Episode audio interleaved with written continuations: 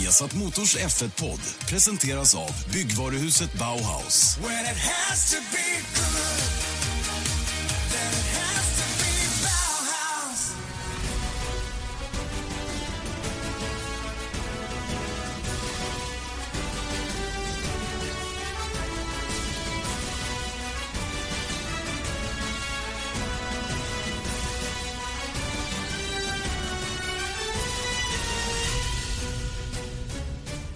Hallå där, mycket välkomna ska ni vara till eh, Formel 1-podden. Formel 1-podden tillbaka efter en veckas uppehåll. Vi sitter här, Erik Stenborg och jag, Janne Blomqvist och är snörvliga båda två. Mm.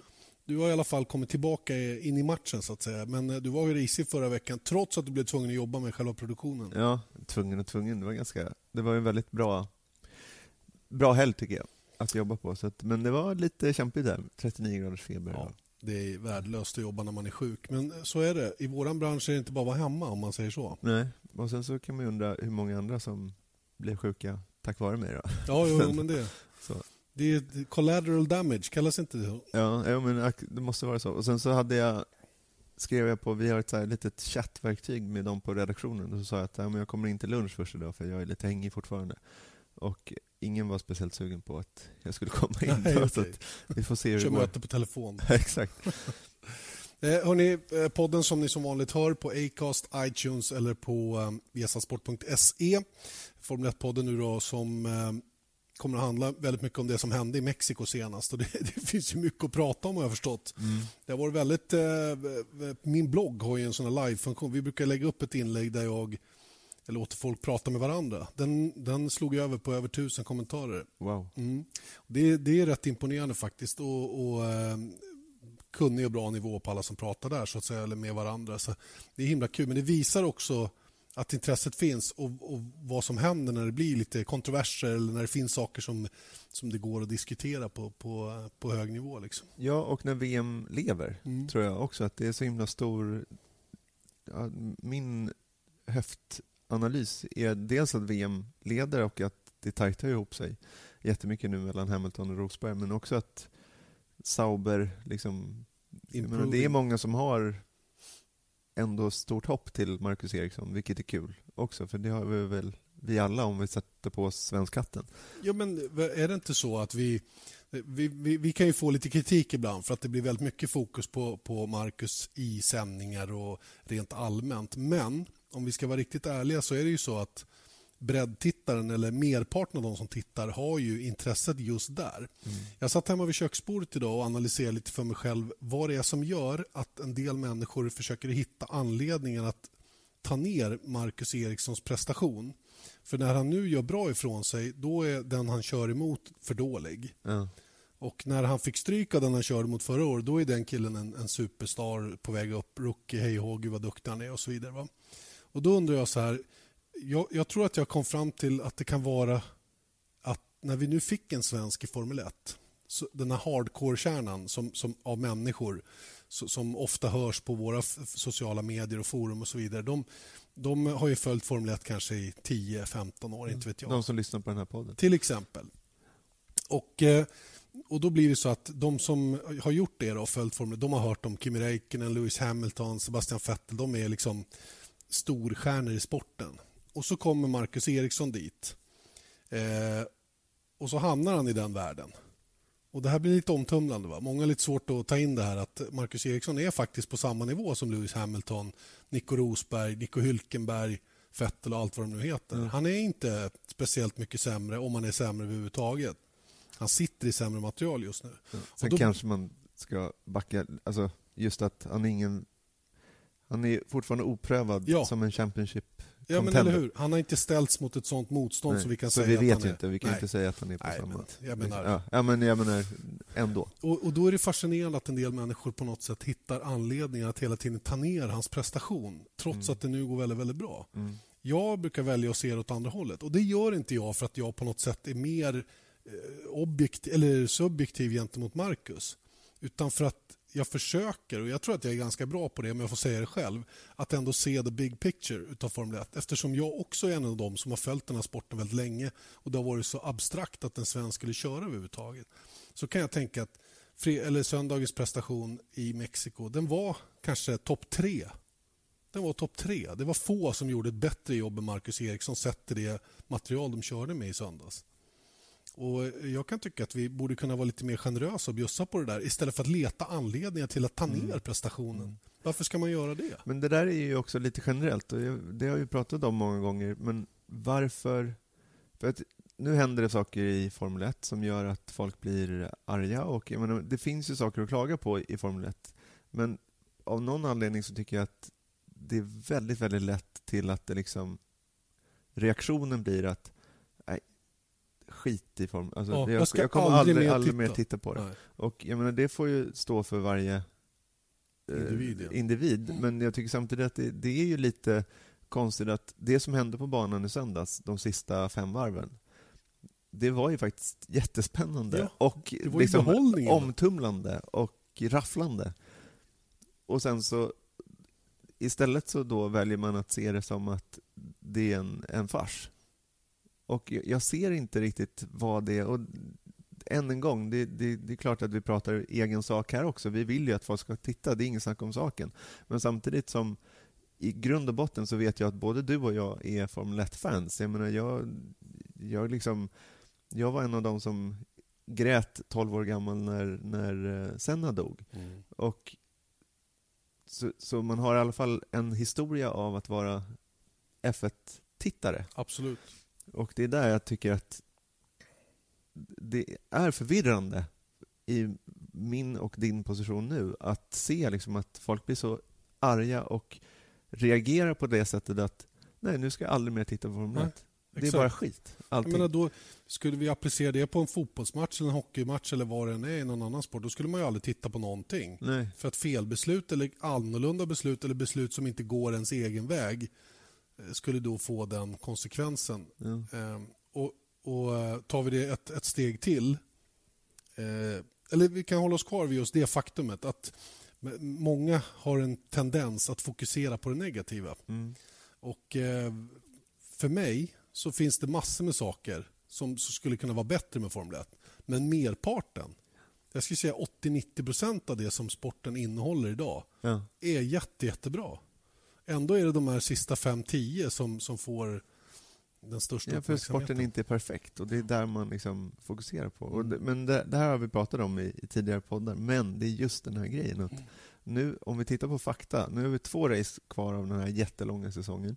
Det är 19 poäng kvar, eller 19 poäng försprång för Rosberg.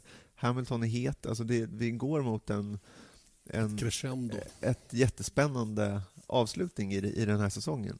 Eh, Sauber lite på väg, alltså det finns mycket att liksom eh, och vara glad över att det finns mycket så här, Du vet, McLaren är liksom lurar i vassen lite och alltså det, det är massa spännande saker. Eh, det kommer nya bilar, det ska bli jättespännande att se dem. Eh, och sen så är det ändå så att här, nu var domarna för långsamma på att utdöma straffet på, på Verstappen. Det, why? Mm. Alltså, det är klart att om vi tar den biten först då. Att, vad, vad tycker du att Race Controls jobb var? Eller hur, tyck, hur ratear du deras jobb? Nej, men jag, eh, som jag skrev också i bloggen, jag, jag kom fram till när jag analyserade allting efteråt att de bestraffningar som delades ut, om vi börjar där, de var korrekta. Eh, de delades ut för rätt saker, så att säga. Eh, och nummer två, snabbheten i de här besluten är ju... Eh, jag menar, det var fem varv kvar, som du sa, mm. när incidenten mellan Verstappen och Vettel inträffade. Det är inte bara att, att, sätta sig och börja backa bandet och titta på den här hundra gånger den här incidenten för att komma fram till rätt beslut.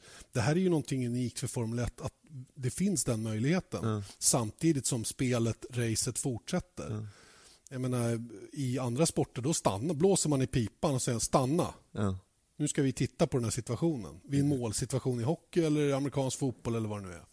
Och Sen så kan man då naturligtvis komma fram till ett korrekt domslut baserat på videomaterial. Ja. I Formel 1 kan man göra det samtidigt som det rullar vidare. så att säga.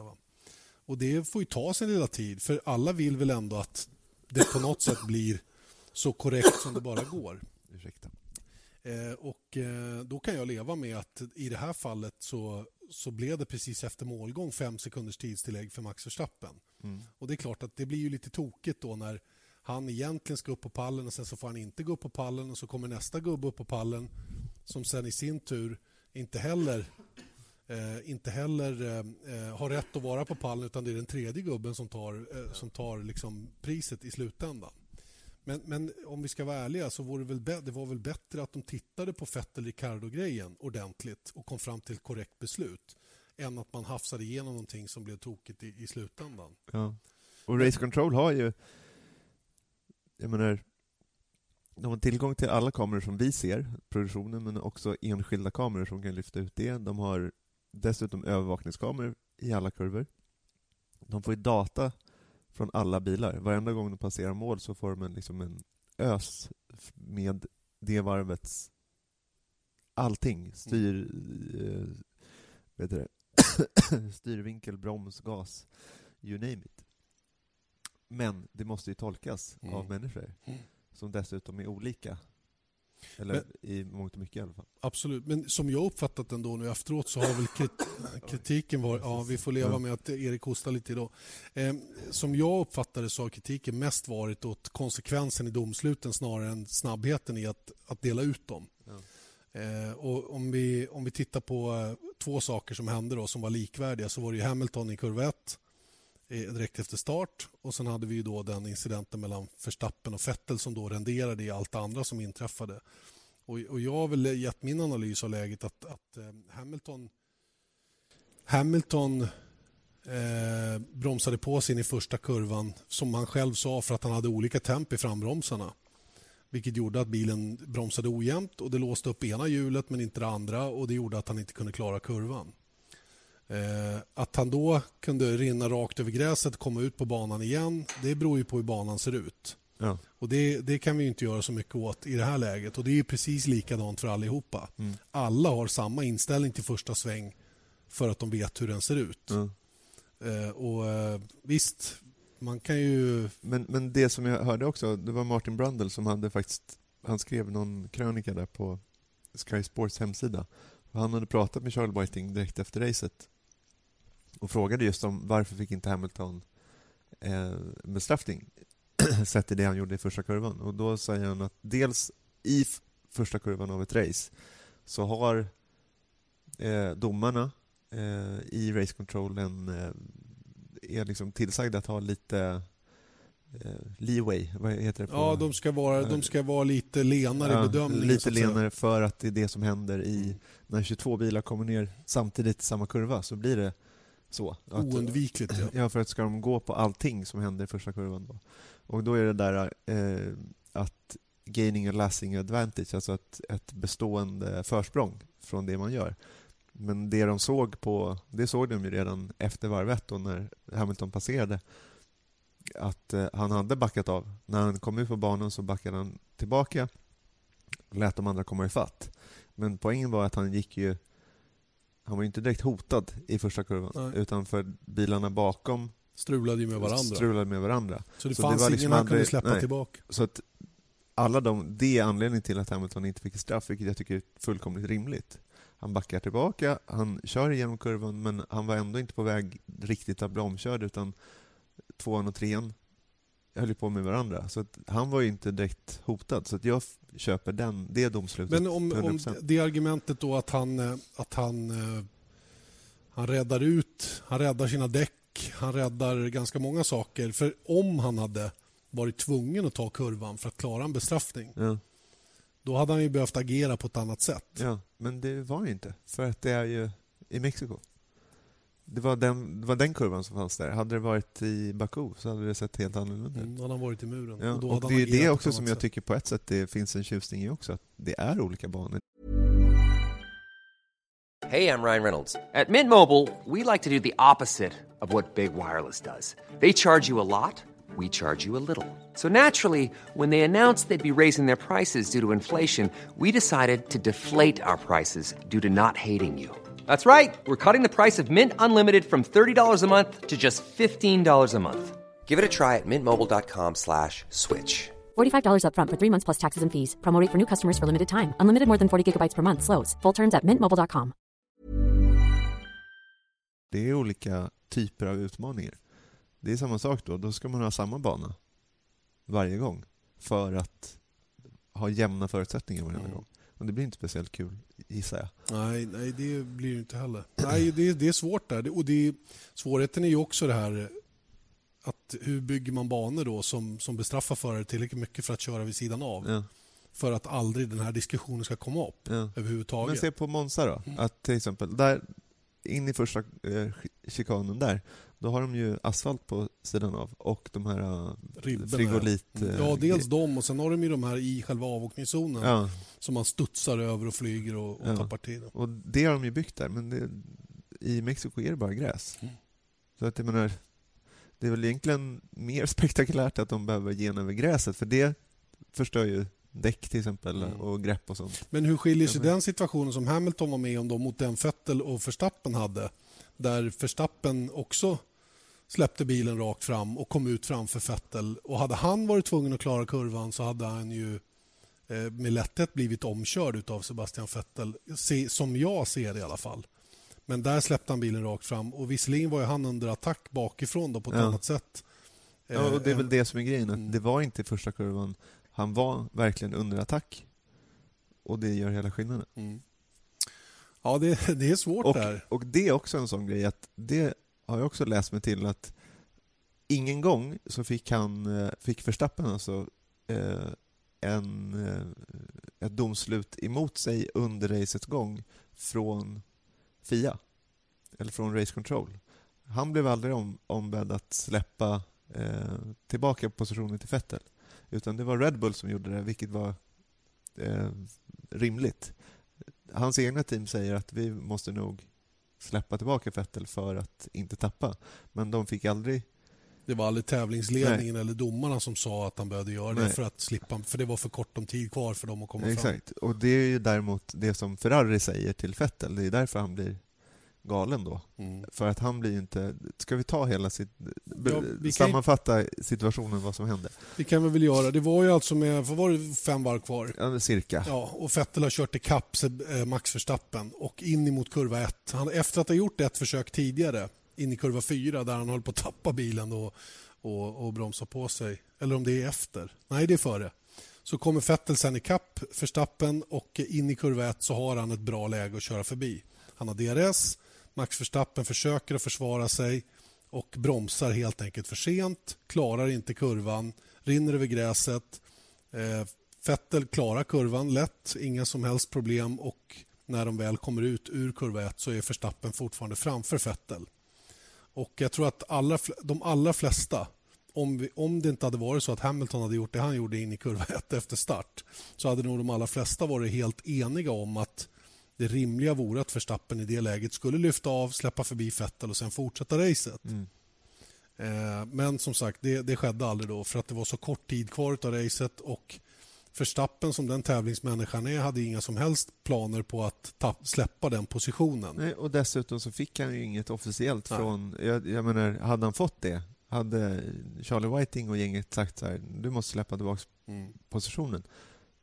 Ja, det är ju frågan om han hade gjort det eller inte. men Ja, det, för det hade han ändå fått det Ja. mot sig och struntat i det, då hade han ju riskerat att bli diskad. Ja, För då blir det en svart flagg till slut. ja, För man har ju alltid tre varv på sig att, att ta en bestraffning.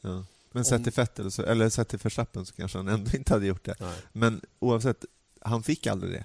Utan det var Red Bull som säger till Verstappen att eh, ge tillbaka positionen, jag tror att vi tror att det är bäst. Han gör det inte, för att Verstappen är Verstappen.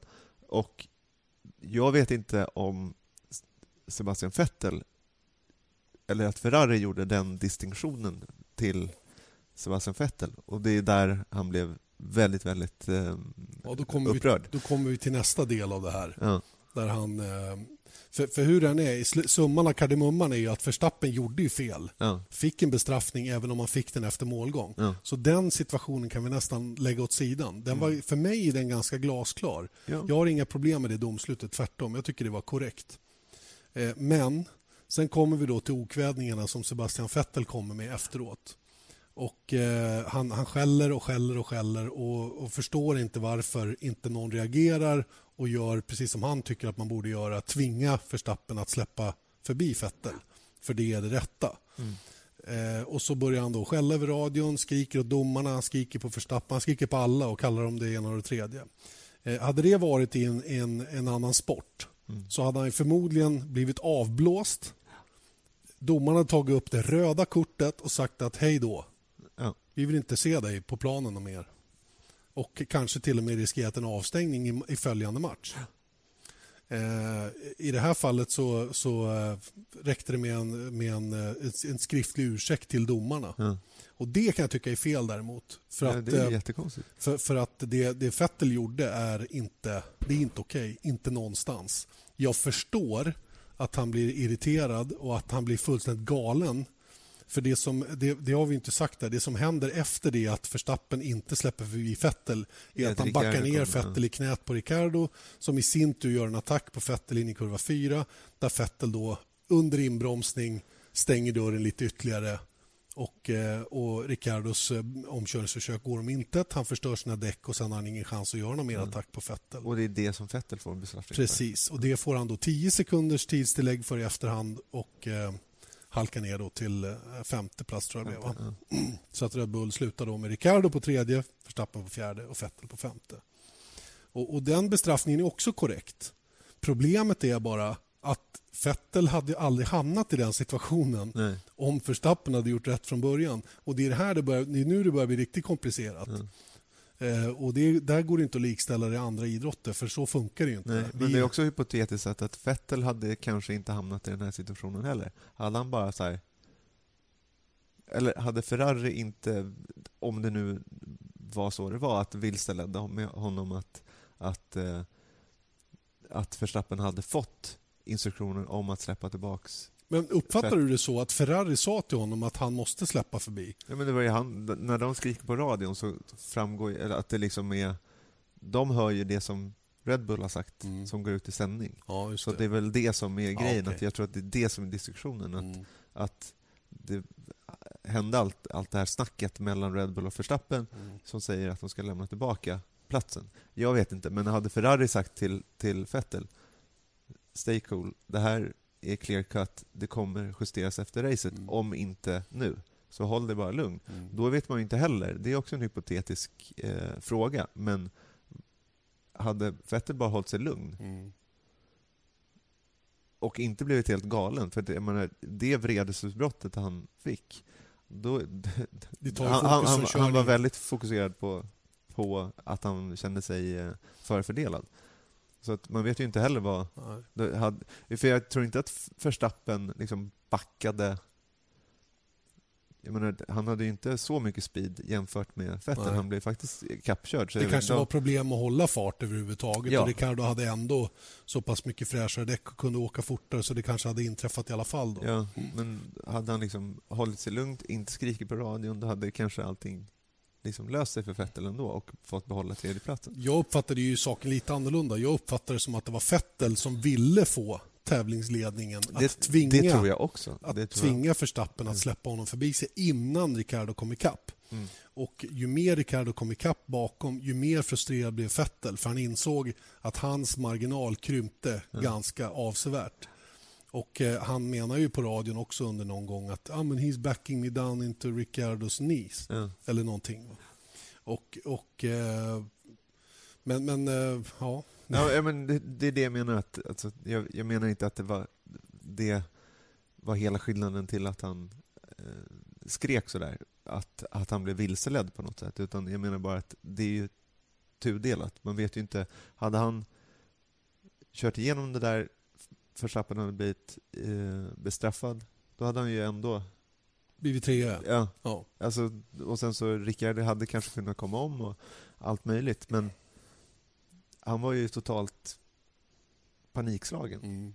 Sett till hur han lät på radion och sett till hur han sen agerade. Och det är ju det som är det ironiska också. Att det han åkte dit för var ju det han har klagat på hos Verstappen, nämligen att röra sig under inbromsning. Mm. Ja, det blev en eh, jättekonstig situation i alla fall. Och, och, ehm, hur man än ser på det, alla de här incidenterna eh, tycker jag ändå att tävlingsledningen, eller tävlingsledningen dömer inte. Det är många som tror att det är Charlie Whiting som delar ut några Ja. straff. Det gör han inte. Det enda Charlie Whiting gör är att han rapporterar incidenter till domarna som sen bestämmer eventuell påföljd och om någonting har gått fel eller, eller rätt till. Va? Och, eh, det var en unik situation eh, som, som, som inträffade och den, och, den, och den blir ju svårbedömd. Mm. Eh, jag tycker att det är på något sätt lite orättvist att, att, att klaga på domarna. Deras jobb är ett av de svårare. Att följa alla situationer, göra en bedömning korrekt mm. eh, och göra det tillräckligt snabbt eh, och hela den biten. Så det, det är mycket, mycket svårare än vad vi tror, det jobbet de har där uppe. Och det, det är där jag tror nästan att här, distinktionen på en domare man måste liksom se de som sitter där uppe i race control som man aldrig ser. Det är ju samma sak som de här svartvitrandiga som man ser på en fotbollsplan eller på en hockeyplan. Eh, det är ju samma, men alltså de har samma roll. Mm. De är verkligen domare, mm. Ingenting annat.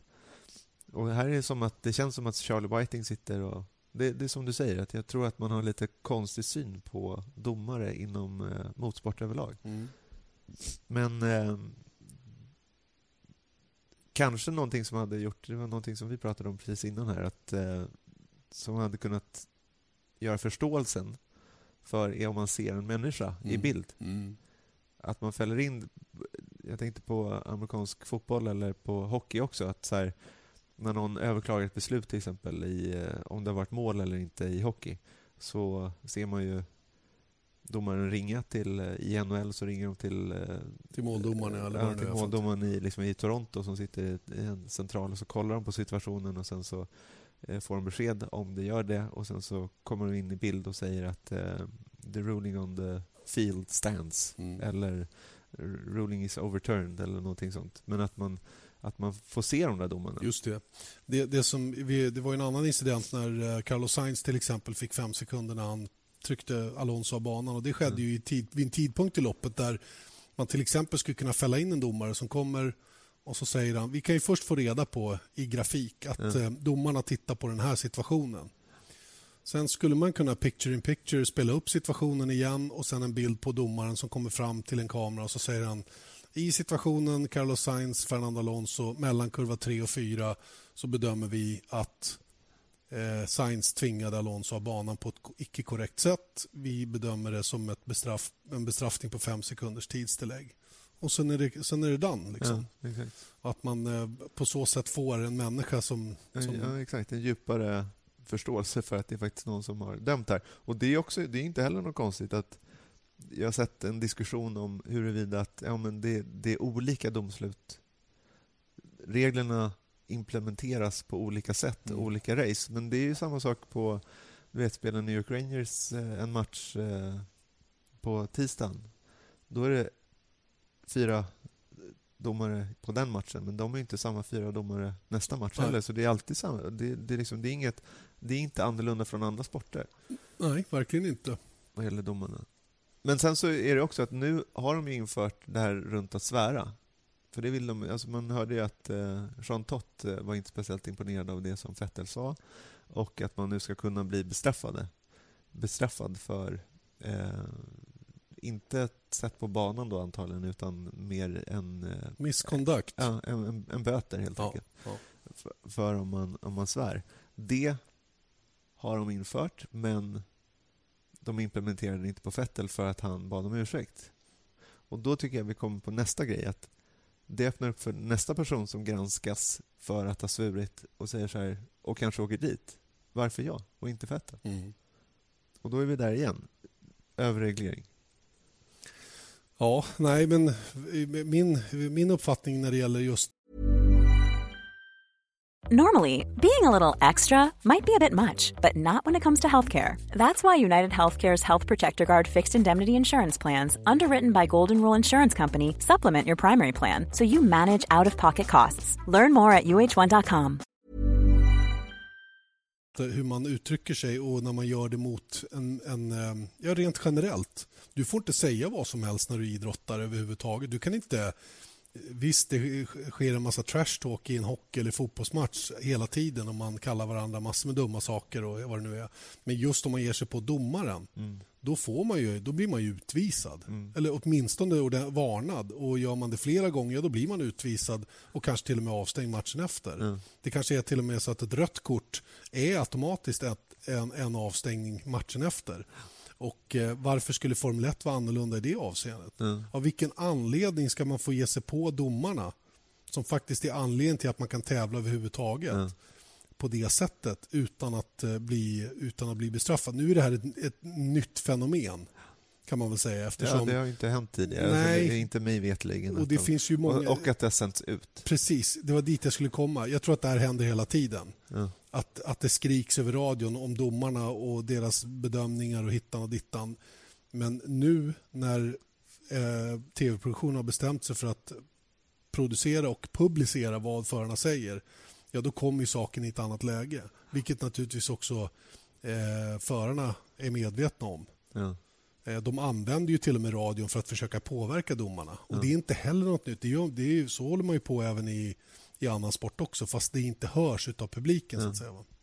Inte samma utsträckning i alla fall. Nej. Men jag undrar faktiskt att, för jag tycker ändå att oavsett om de sände ut eller inte så det som Vettel sa var eh, väldigt grovt. Ja. Han, han, han pratade faktiskt om att eh, slå till eh, Charlie Whiting och att han kan dra åt helvete. Liksom. Mm, mm. Och det är personligen till honom. Och än en gång, det är inte han som är domaren Nej. heller, utan han, han är eh, tävlingsledare. Mm. Så det är väldigt konstigt. Men det som jag menar med den här regelgrejen, att nu är vi här igen, att, att man sätter en regel för någonting som sen kan tolkas. Och det är där det är, där det är uppe för diskussion hela tiden och det är precis det vi har pratat om hittills i hela den här podden.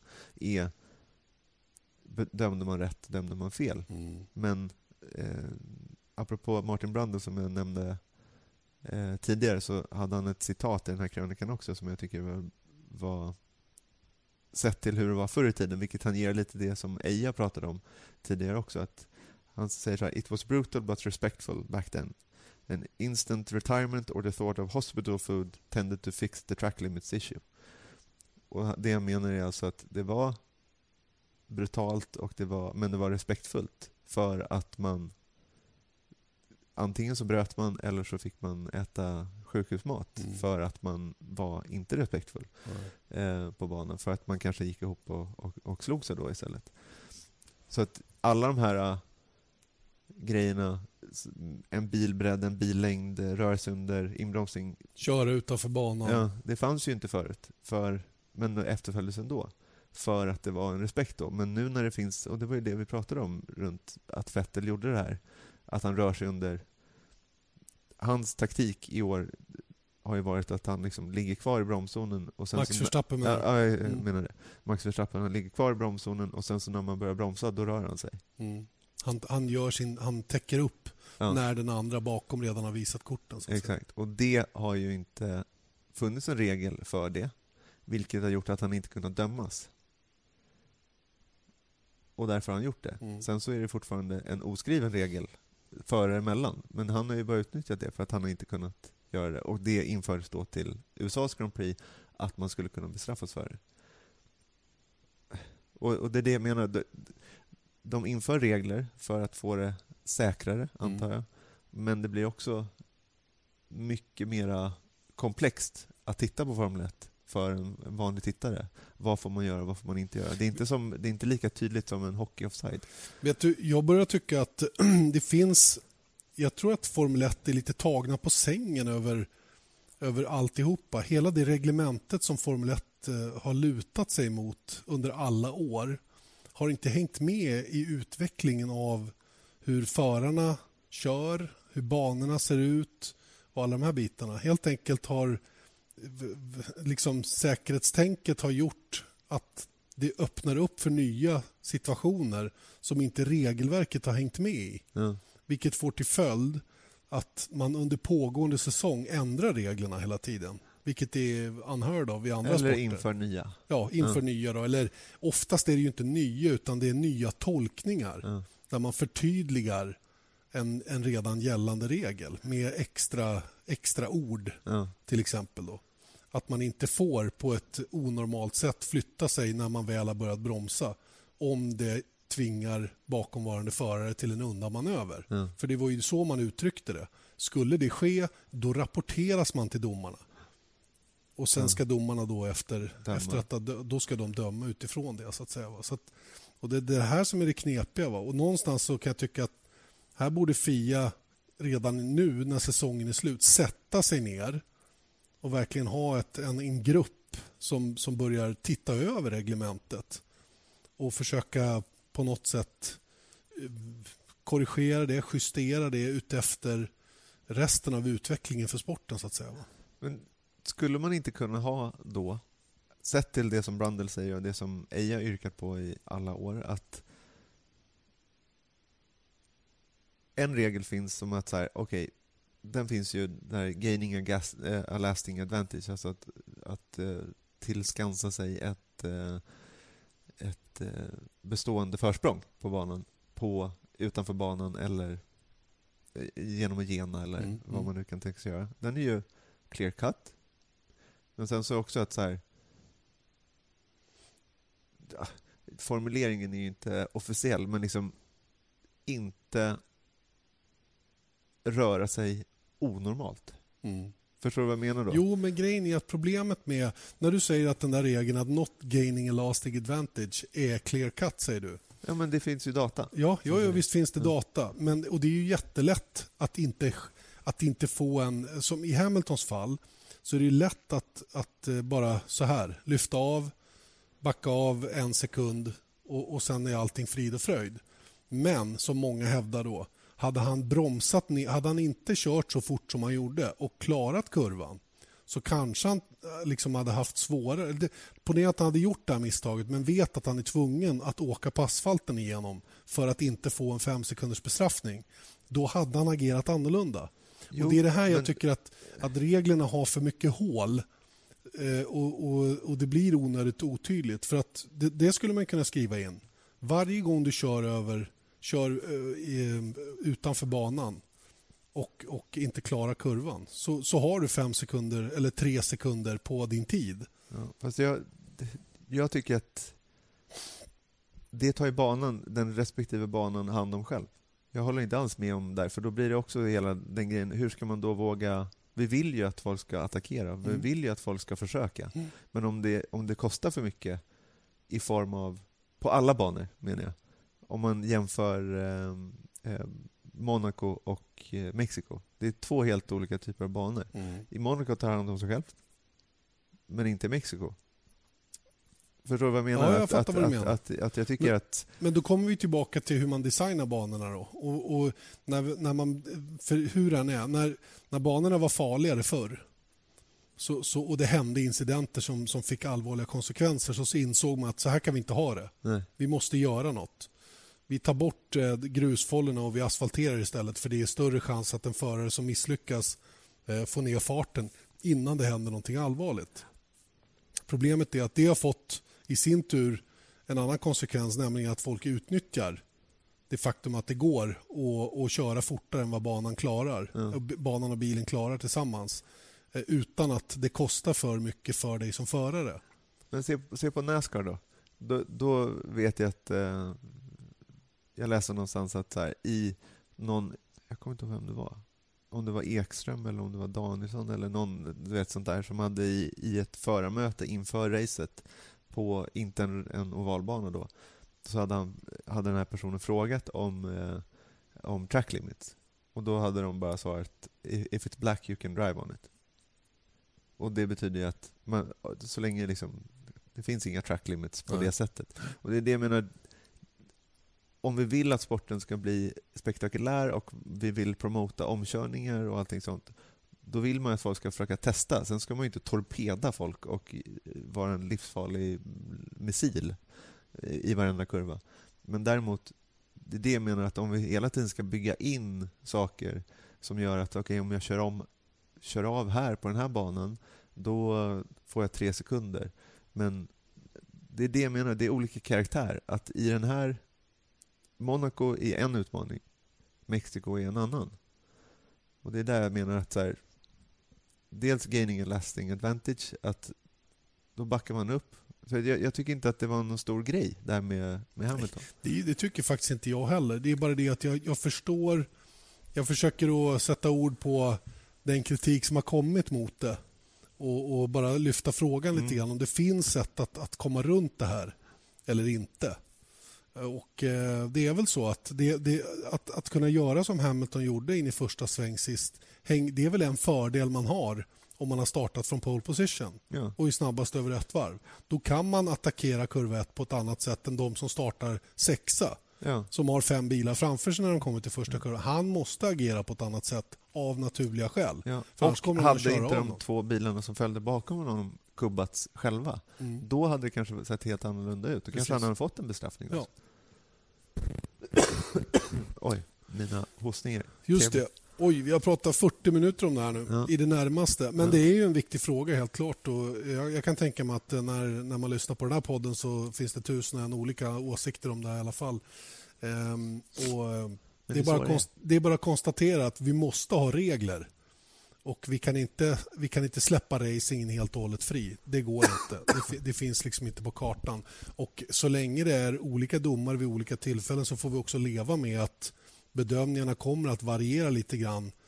Men, men eh, till syvende och sist så, så eh, ja, utan domare så skulle vi inte kunna köra det överhuvudtaget. Nej, och jag tror inte lösningen är samma domare heller, för att så är det i alla sporter också. Och jag tycker att så, här, så är det. Det är en del av spelet också. Att så här, det är jag helt övertygad om som och- hockeyspelare, om man märker att den här domaren är på mig, då fortsätter man inte.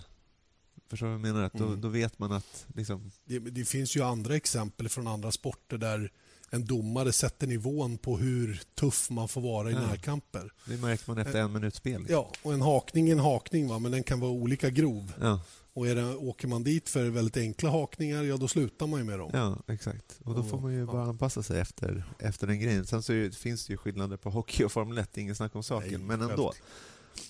Men nu Ja. går vi i alla fall två race kvar, 19 poäng skillnad mellan Rosberg och Hamilton. Rosberg vinner faktiskt VM om han vinner i Brasilien, Mm. oavsett vad Hamilton gör. Och på alla banorna på kalendern så är det en bana där Hamilton aldrig har vunnit. Mm. Brasilien, Mm. minsann. Och det är lite konstigt att det är så. Mm. Om det är ett talande tecken för hur nästa tävling kommer att sluta eller inte, det återstår ju att se. Ja, och Rosberg har vunnit två år i rad. Mm. Så det är... Ja, Det, är lite, kan... det är lite kittlande, minst sagt. Ja.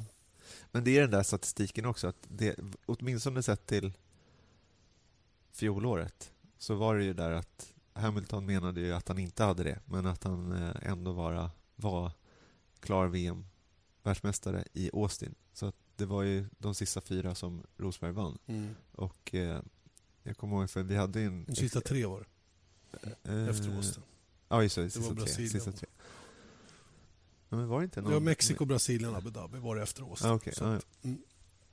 Hur som helst, så eh, det är klart att han hade släppt ner axlarna vid den tidpunkten. Så det är en annan Hamilton i år som har allt att köra för.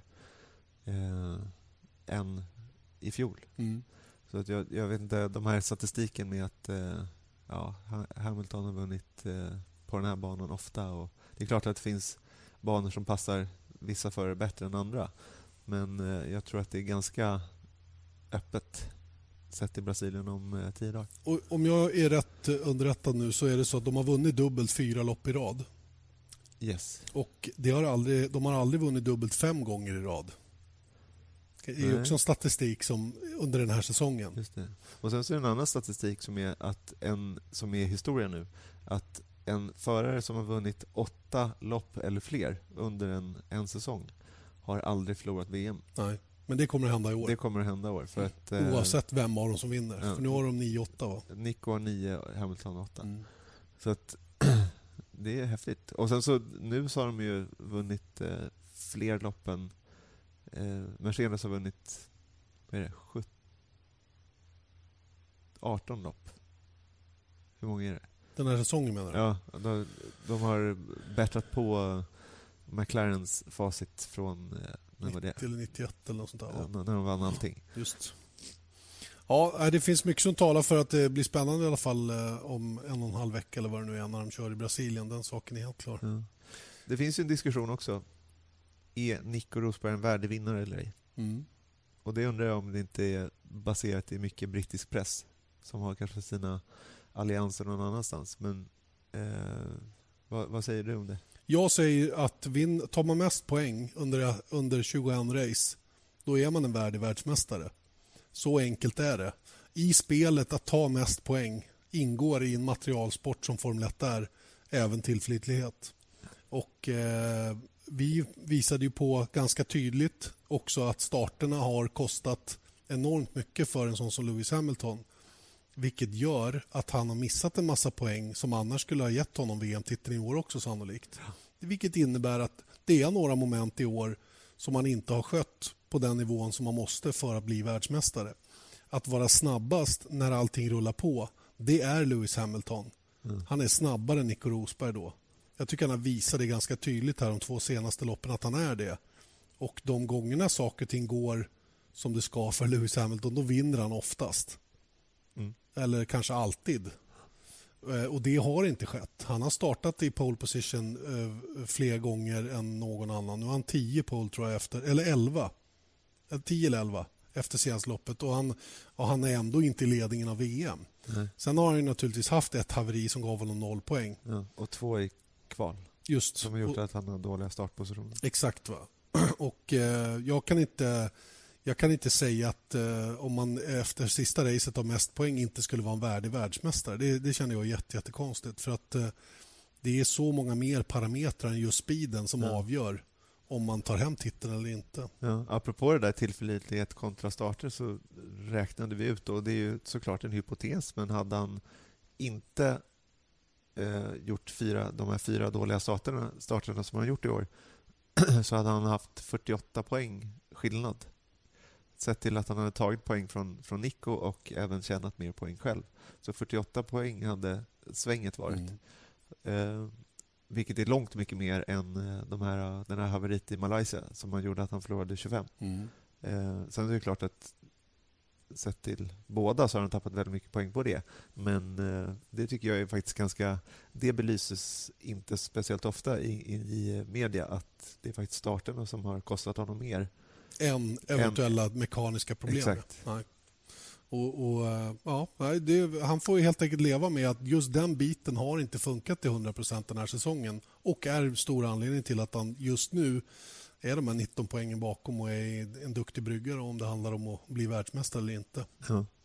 Du, innan vi slutar, ska vi inte nämna lite om Ross Braun eftersom vi har fokuserat mycket på det tidigare? Just det. Vem som ska ta över efter... Uh, efter Bernie Ecclestone. Ja.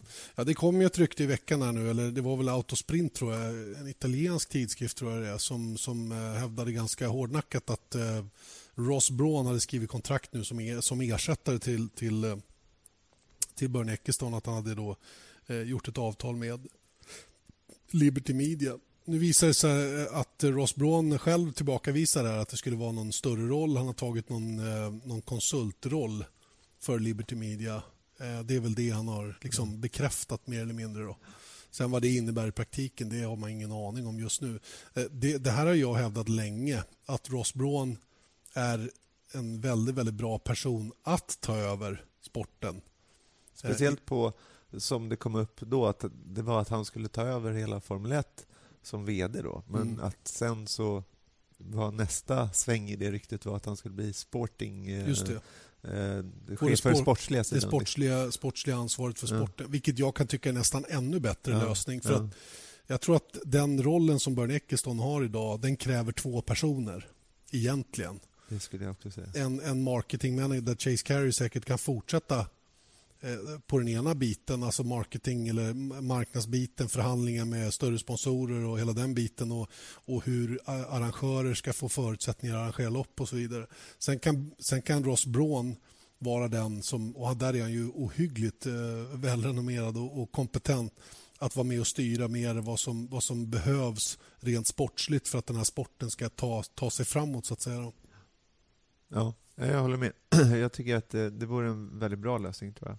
Och framförallt Ross Braun känns som en sansad människa. Och han, han har ju också sagt att han inte alls är intresserad av att driva team igen. Han, han var ju eh, hos Ferrari under deras storhetstid 96 till 2006. Ja. Eh, och sen så tog han över Honda. Honda och vann VM 2009 med sitt egna team. Med Braun. Honda, Ja, med Honda. egentligen. Exakt. Även om det bytte namn. Ja, och sen så var han med eh, Mercedes då fram till 2013. Eh, och sen så har han inte varit i Formel 1. Nej. Och han var ju även med och tog Benetton till de framgångarna som han hade Oh ja. Ja. eh, 94-95 då när, när Schumacher tog sina första två titlar. Nej, men det, han är otvetydigt eh, en, en super, superbra gubbe att ha på den posten. Sen eh, ställde någon frågan, är Ross Braun, är åldern på Ross Braun ett, en issue? För alla pratar ju om att vi måste försöka nå en yngre publik hela tiden och, och hitta nya tittare, nya människor som blir som blir fans av sporten. så att säga. Och, och Ross Braun är en bra bit över 60 och, och frågan är om han är den personen som ska kunna sammanföra eh, sporten som den är idag då, med behovet av att ta in nya tittare hela tiden. Det kan man givetvis ställa sig frågan. Men Formel 1 är så komplicerat så att eh, det kräver nog att man har den där eh, vad ska jag säga, spetskompetensen. Då, som Ja, och lite intern respekt också. Liksom. Vem ska man sätta då? En ung? Liksom. Ska man sätta Ken Block Mm. som ska köra lite drifting? Eller, du förstår vad jag menar? Ja, att det, att det är liksom, jag, jag, jag tror ändå att han skulle vara ett väldigt bra...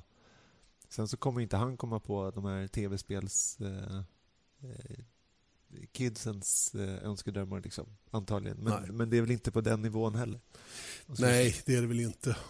Sporten, eh, spor, att sporten är i behov av en stark person som vet vad som är möjligt att göra med Formel 1 det tror jag är nästan viktigare än att man hittar bryggan över till, till eh, gamingvärlden till exempel. Va? Som Ja. jag vet många tycker är, är viktig att hitta eftersom den är så enormt stor. Ja. Och kan man få över dem till, till Formel 1-sidan så har man ju vunnit en oerhörd massa människor som kan vara värdefulla framöver. Ja.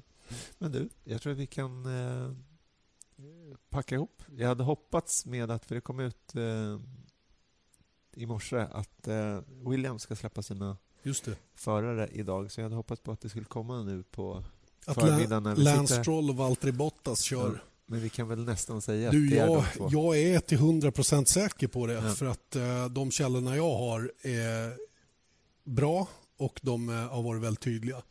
Eh, jag vet ju, Eje nämnde för mig att Lance Stroll går igenom ett, ett extremt omfattande testprogram nu då, för att vara så väl förberedd som möjligt. Ja. Som har kostat 200 miljoner cirka. Eh, han har kört en 2014-bil då i, i princip på alla banor runt om i världen och testat och testat och testat. Ja. Och, och tänk att få den möjligheten innan man kommer in i Formel 1 på det Ja. sättet. Och det är ju bara möjligt för att hans pappa då har pengar har till 200 det. miljoner. Ja, men det är klart att han har. Och, och, och dessutom var han, inputen till teamet är också väldigt, väldigt stor. Och då kommer vi tillbaka till den här rätt så roliga, intressanta diskussionen om paydrivers. För att det är väl ingen som kan säga någonting om Lance Strolls talang egentligen. Men, Nej. men samtidigt så belyser det lite grann vad som ändå krävs för att ta sig in i sporten idag. Med, med, eh, med små möjligheter att träna för uppgiften och sådana saker. Jag är rätt säker på att en sån som Max Verstappen innan han kom in också hade ganska omfattande testprogram av olika slag men som kanske inte kom ut på samma sätt. Nej. Att han också för, fick förbereda sig inför, inför sin Formel 1-debut på ett sätt som kanske inte till exempel Marcus Eriksson fick då eh, innan han kom in i F1. Då. Även om han också tvingades ha eh, en bra backning så att säga för att få möjligheten att köra överhuvudtaget. Ja. Det intressanta här är att Lance Stroll fyllde 18 den Ja. 29 oktober. Oktober, Och nu är det 3 november, va? Just det. Så att eh, det är ju det här med superlicens. Ja, och de har ju hela tiden sagt att de väntar på att han ska bli 18 Ja. så att de verkligen kan bekräfta att de Ja. har, plus att de har en alkoholsponsor och alla de där bitarna Ja. som säkert påverkar också. Yes. Du, innan vi slutar, vi har inte sagt någonting om Marcus Eriksson överhuvudtaget. Eh, hans lopp senast var ju enastående på många sätt. Eh, inblandad i en, i en incident på första varvet och, och sen körde han, eh, vad blev det? Fem, 69. 69 varv ja, på ett och samma sätt däck. Eh, mediumdäcken. Och jag pratade med Craig, hans racingingenjör efteråt och han sa... Gardiner. Gardiner, ja. Eller så, gardiner. som det Gardiner. som sa att när de hade sett eh, Nasers däck efter att han hade gjort sin långa första stint så hade de bedömt att däcken var, skulle klara ungefär 90 varv. Ja. Så- Jag hörde 111 varv från ett annat team. Ja, ja. Du, Ja. o- Oavsett så, så fanns det mycket, mycket marginal i de däcken. Men Marcus Eriksson sa också efter loppet att det var, det var så här. Sista fem varven då var det riktigt, riktigt tufft. Och Vi belyste det i sändning lite grann, det här med varvningar. För det är ju ett- det är kritiskt. När bilar kommer ikapp och du måste backa av. och du inte... Du, Tappa tempo. Ja, du, du ligger inte på däcken på samma sätt och det gör att, att däcken går ner i temperatur. Och sen när gummit har försvunnit så mycket som det har gjort efter kanske 70 varv, eller 70, men säg 50 varv då, så är det svårt att få tillbaka tempen i dem. Då. Och Det var ju det han gjorde så himla bra. Ja. Att han, givetvis så tjänade han en massa positioner på att han gjorde som han gjorde. Ja. Och Det var ju det som till, sy- till syvende och sist gav honom elfteplatsen. Men han höll tempot uppe hela tiden. Och Det var ju det som var så bra på något sätt i hela kråksången. Ja. Det var en jättebedrift och det tycker jag liksom... Visst, alla de här betygen från Sky och Autosport sån där, de ska man ju inte ta... I, i, I med och motgång ska man inte ta så mycket fasta på dem, men det är ändå... Det här märktes Mm, i alla fall, det kan man konstatera. absolut. Och sen tycker jag, apropå det här med däcken, med tanke på att mediumdäcken höll på samma sätt som kanske Bridgestone och Michelin gjorde förr i tiden, så kan vi konstatera att det blev ingen eh, omkörningsfest. Nej, det blir ju inte det. Nej. Det kommer inte att bli det eh, nästa år om de får mer raciga däck. Det, är Nej. bara, det, är så, det kommer det inte att bli. Nej. Och Det kommer att gå så pass mycket fortare genom kurvorna. Eh, jag menar, kapa fem sekunder på varvtiden Ja. så fattar man ju att någonstans så är det ju var, försvin, var försvinner den tiden? Ja. Under inbromsning och genom kurvorna. Och var kör man om? Ja. In i kurvorna. Och i slutändan så kan vi konstatera att det här med tre olika däckstyper är väldigt bra Ja. för Formel 1, för det, det skakar om. Och jag tycker nästan, som du och Eje konstaterade efter, i magasinet efter Mexiko, att varför inte köra med fem? Låta dem få välja Väl, fritt. väl, hur, hur Det var ju på tapeten faktiskt, men där Pirelli sa att vi vågar inte. Nej. För vissa däck ska inte köras på vissa banor. Nej. Vi, vi, kan, vi kan släppa tre, men inte alla fem. Nej. Det går inte att välja Ultrasoft i Mexiko, men det sorterar ut sig själv. Ja. Eller så skulle de kanske haft Ultrasoft, Supersoft och Soft. Kanske. Sett till det. kanske. Det kanske de kommer ha nästa år. Ja, du, då ska vi eh, ta runda av denna podd som blev en, i det närmaste en timme lång. Ja. Kul att ni är med oss. Vi är tillbaka om en vecka igen. Då kommer jag vara på plats i Brasilien och du är hemma. Yep. Eh, och eh, Det ska bli kul att se vad som har hänt fram till dess. Om vi har några nya platser besatta Ja. och vilket som tar vägen var. Fortfarande inte klart. Eh, Williams räknar vi med ska innan dess ha utnämnt sina två till nästa år. Frågan är vem som kommer till Force India och vilka, vilken som blir förare i Renault Ja. bredvid Nico Hülkenberg. Och i Haas och i Manor och i Sauber. Ja, ja. Nej, det är mycket kvar fortfarande. Men eh, som sagt, kul att ni var med oss och vi är tillbaka om en vecka igen. Tack säger vi så länge. Janne Blomqvist och Erik Stenborg. Vesat Motors F1-podd presenterades av byggvaruhuset Bauhaus.